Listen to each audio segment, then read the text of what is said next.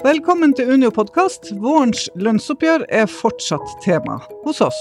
Rapporten fra Det tekniske beregningsutvalget for inntektsoppgjørene, eller TBU-rapporten, ble klar på fredag. Den viser lønnsutviklinga i fjor, og disse tallene er det alle partene i tariffoppgjøret forholder seg til i lønnsforhandlingene. Det er nettopp derfor denne rapporten er så viktig. Og Clemet Rønning Aaby, forhandlingssjef fortsatt i Unio. Dette er jo litt julekvelden for deg, da, eh, å studere disse tallene. Eh, og hva er det de sier? Jo, takk for det, Nora. Eh, først og fremst så sier jo disse tallene at eh, i de deler av privat sektor som har eh, lavest organisasjonsgrad og tariffbinding, der er lønnsveksten høyest. Og da snakker vi om? Ja, Da snakker vi om varehandelen som har eh, fire og tre kvart, og vi snakker om finansnæringen som har fire prosent. Og det er klart det er vesentlig høyere enn det som var anslaget etter frontfaget i fjor på 2,7. Og det er eh, en situasjon som er veldig alvorlig fordi som kjent så er altså offentlig sektor de som har vært lojale til denne frontfagsrammen, mens uh, da de deler av privat sektor som også er en del av uh, skjerma næringer i en sånn teoretisk sammenheng som frontfagsmodellen er, de har tatt helt av. Og det kan ikke være slik at det er offentlig ansatte som skal holdes igjen uh, for å bære lønnsveksten i samfunnet. Det, det mener vi er helt feil. Og dette er spesielt ille når eh, undervisningsansatte hadde 2,3, altså halvparten av lønnsveksten som man hadde i varehandelen. Og det går ikke an, rett og slett. Og her må undervisningsansatte ses uh, særskilt på. Uh, og dette gjelder jo kommunesektoren, og vi kjenner jo alle at innenfor primærhelsetjenesten er det også store rekrutteringsutfordringer som er erkjent av arbeidsgiversiden. Så, så jeg kan ikke skjønne annet enn at disse tallene bekrefter det vi har fryktet. Eh, nesten verre enn det vi fryktet. Og det er en svært alvorlig situasjon at uh, privat sektor tar av, og offentlig sektor blir sittende igjen og se på. Men nå sies det jo at industriarbeidet de, de klarte å holde seg sånn noenlunde på ramma, får vi vite. Ja, altså disse tallene er Altså i den grad du skal tro på de, vi begynner jo å miste litt uh, trua på disse tallene etter hvert, men uh, i hvert fall så kan det se ut som industriarbeiderne også har vært lojale mot sin egen ramme uh, på to og tre kvart prosent, men altså industrifunksjonærene som er halve lønnsmassen og vel så det, de har tre og en kvart. Så at summen er jo tre, sånn som det framstår i denne rapporten, og det er tre tideler over. Uh, og det er klart at uh, over to år så har vi et halvt prosentpoeng etter på samla uh, lønnsvekst i industrien, og 0,3 nå, det er 0,8. Mm. Og da har vi altså i løpet av de to årene tapt i lønnstillegg over 3 milliarder kroner, og det var 3 milliarder kroner som likelønnsutvalget foreslo i sin tid ekstra til offentlig sektor, og det har vi nå tapt på to år i pandemien. Vi må vel også se på eh, sykehusene. Eh, det er jo et stort område for oss, Spekterområdet. Ja, det er klart. De, eh, de kom jo ganske bra ut, ser det ut for. Her. Ja, det ser ut som de har fått tre og en halv, men jeg har ikke helt trua på de tallene heller enda, og det følger for så vidt av disse notene at de er litt usikre på, på hva som ligger i, i, det tallet, for det kan se ut som noe av lønnsoppgjøret 2020 er tatt med i 2021. Og eh, det ser ut som eh, veksten skyldes eh, økt andel legeårsverk, og det er i tillegg pandemiarbeid med ekstraordinære tillegg og sånn, som også ligger i tallene, men vi har ikke noe peiling på dimensjoner og, og størrelse på hvor mye de ulike tingene utgjør, så det er litt vanskelig å liksom bedømme de tallene der sånn som situasjonen er nå. Men sånn som det ser ut, så har de hatt en uh, vesentlig høyere vekst enn stat og kommune. Mm. Så må vi kanskje si at statsansatte eh, hadde en lønnsvekst i eh, fjor på 2,8, og kommuneansatte 2,7. Altså sånn ja. uh, Uten streik, uten streik, i kommunesektoren så hadde nok de også havna på 2,8. Mm. Men, uh, men, det er nå, det er nå 2,7-2,8, det, det, er i ja. praksis det samme. Og så har undervisningsansatte da 2,3, og dette har du jo kommentert. Det, det, ja, nei, sånn altså, kan dette, det ikke fortsette. Dette er jo veldig alvorlig. Uh, jeg må si det at Eh, det er mulig at eh, man må begynne å tenke at eh, norsk skole må på en måte privatiseres, fordi det ser ut som det er der lønnsveksten er i samfunnet, og da kan man jo starte med fagopplæringen og legge den ut til bransjen i NHO, som er eh, kostnadseffektive, moderne og innovative og dyktige, og kan ta over eh, fagopplæringen og eventuelt fagskolene i framtida hvis det skal fortsette sånn som dette her. Og Det vil jo være nyttig for våre eh, lærekrefter, som da vil komme inn i et privat sektor hvor det er eh, lønn eh, å hente. Ja, fordi at eh, det Du tenker at sånn, sånn, sånn, sånn man tenker i privat sektor, sånn som de eh, ordner lønna der, så jo mer eh, ettertrakta du er som arbeidstaker, jo større lønn har du. Ja, sånn som det ser ut nå i hvert fall, så er lønningene markedsstyrt, og der hvor det er liten grad av tariffbinding og lite grad av innslag av kollektiv bevissthet, der får man også høyere lønnsvekst, f.eks. i finansnæringen og varehandel. Og det er bra at det er høy lønnsvekst i varehandelen, for ellers så hadde vel eh, lønnsstillingene gått til de fem familiene som eier dagligvarebransjen. Ja, det er jo bra at de får, uh, får lønn for strevet, vil jeg jo si. Absolutt. Ja. Um, TBU-utvalget har i år en merknad, eller hva man skal si, uh, om frontfaget, der de viser til at frontfaget treffer godt om en ser flere år under ett. Dette er antagelig gjort for å imøtegå kritikken av frontfagets praktisering, som jo Unio har starta. Uh, men, men, hvordan ser dette ut, da? Hvis vi tar den femårsperioden som jo eh, rapporten eh, legger til grunn, da. Hvordan kommer offentlig sektor ut da? Ja, altså Det som er interessant med frontfagsrammen, det er en sånn liste over hva rammen ble anslått til, og hva resultatet ble, som vi har eh, fått redegjort for på side 14 i den rapporten som ligger ute. og Der er det et veldig soleklart mønster at de to siste årene så er resultatet blitt høyere, vesentlig høyere, enn anslaget.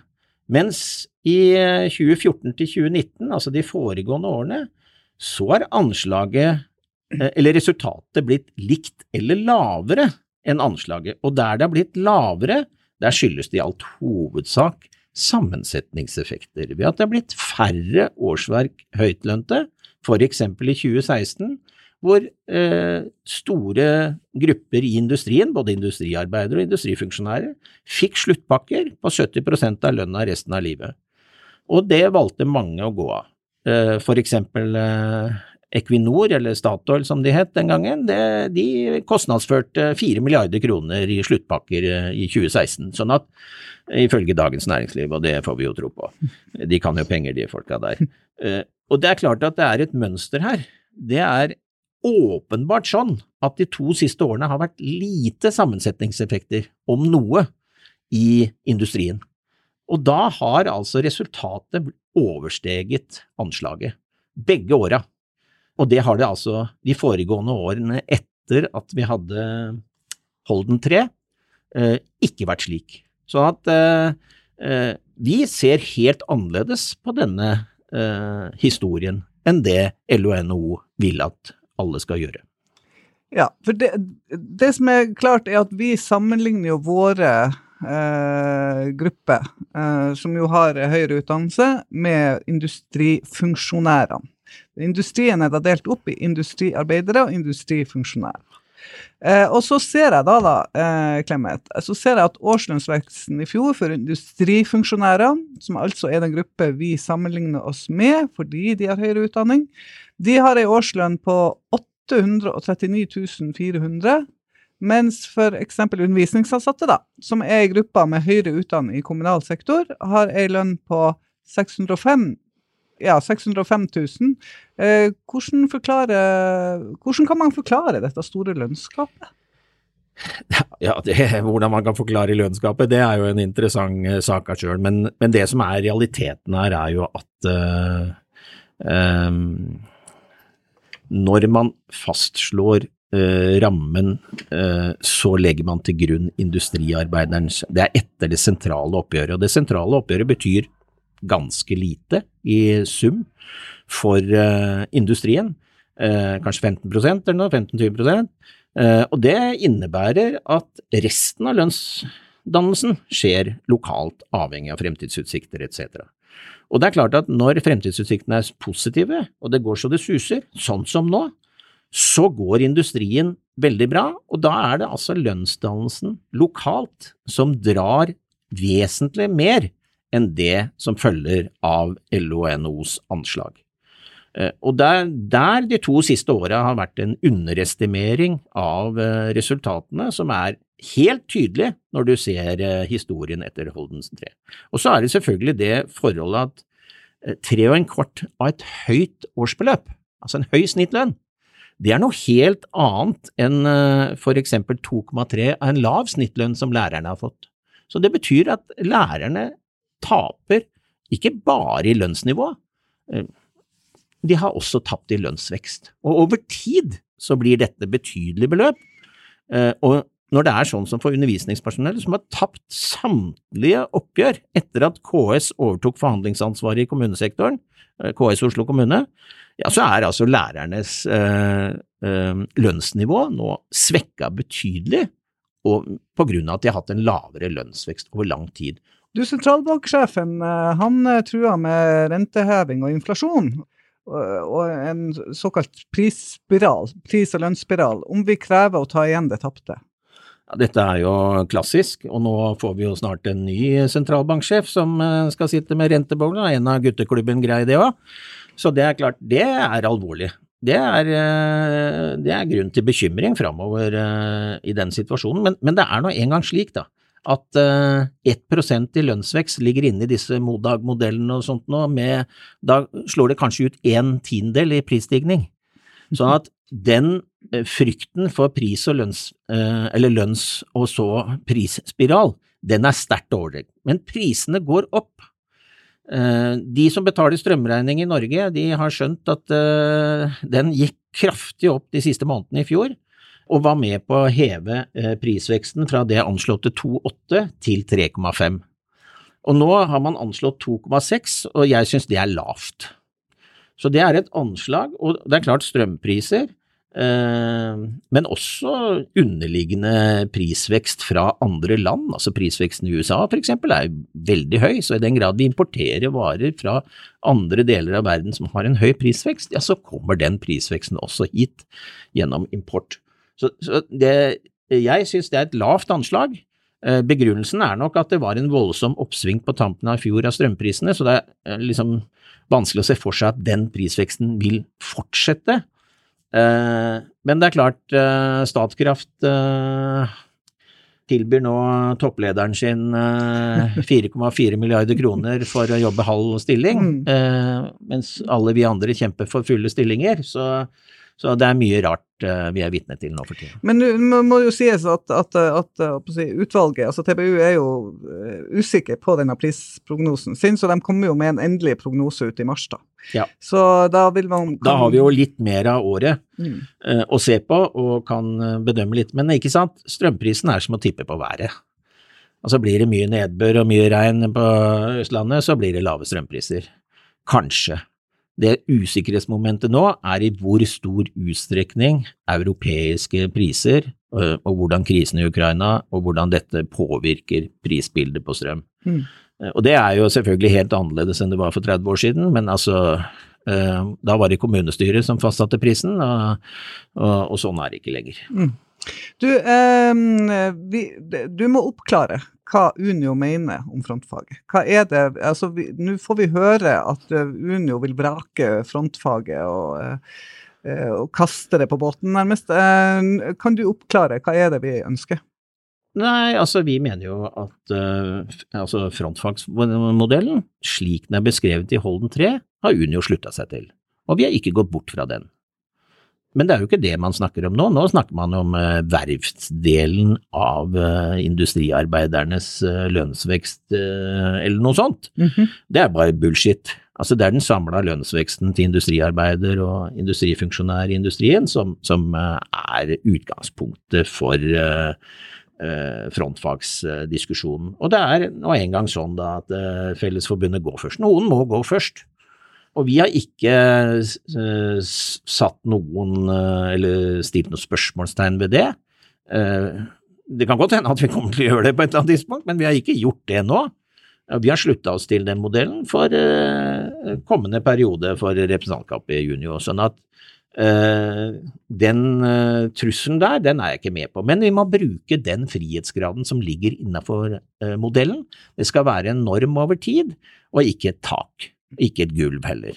Sånn at, men nå har det vært et tak i to år med en underestimert ramme i pandemien, og det er ikke akseptabelt. Det, men det er ikke Holden-utvalgets versjon av frontfagsmodellen og det inntektspolitiske samarbeidet som vi har sluttet oss til, det er en helt annen variant som uh, ikke vet jeg hvor han kommer fra. Du, uh, ja, men vi, vi, har jo utfordra frontfagsmodellen og praktiseringa av den, da. Ja. Og i det siste så har vi jo også sett at flere setter spørsmålstegn ved den andre utafor oss sjøl. Altså, nå har jo akademikerne kommet på banen og litt sånn forskjellig. Men eh, jeg ser bl.a. at eh, han, en forsker som heter Arild Steen på Arbeidsforskningsinstituttet på Oslo OsloMet, han mener at frontfaget må utvides til også å gjelde IT-næringa og reiselivsnæringa, som jo også er konkurranseutsatte næringer. Og i Dagens Næringsliv eh, så eh, skriver vår eh, Bjerkholt, som er kommentator der, at bærebjelken i norske lønnsoppgjør ser stadig mer skrøpelig ut. Frontfagmodellen knirker i sammenføyningene. Det er kanskje like greit. Hvordan, jeg vil gjerne at du kommenterer det, Clement. Ja, altså eh, hva som ligger innenfor frontfagsmodellen, eh, og hvem det er som eh, forhandler først osv., er jo på en måte litt sånn historisk betinga. Det har vært internasjonalt konkurranseutsatt industri, og, grunnen til det er for så vidt flere, men det er bl.a. at de har god statistikk, så det er muligheter for å samarbeide på tvers av land osv. Og, så og det er en, en ganske organisert del av arbeidslivet. Men det er klart, eh, hvis du tar inn de du nevner, pluss at du tar inn finans f.eks., som også er internasjonalt konkurranseutsatt eh, sektor, ja, så blir, så blir, på en måte eh, frontfaget annerledes. Og, og, det er litt sånn vanskeligere å uh, tenke seg hvordan dette skal uh, gjennomføres. Altså det mm. som er, det er en, en, eh, sånn, Slik det er nå, så, så utgjør altså Fellesforbundet og Norsk Industri eh, vesentlige deler av norsk industri.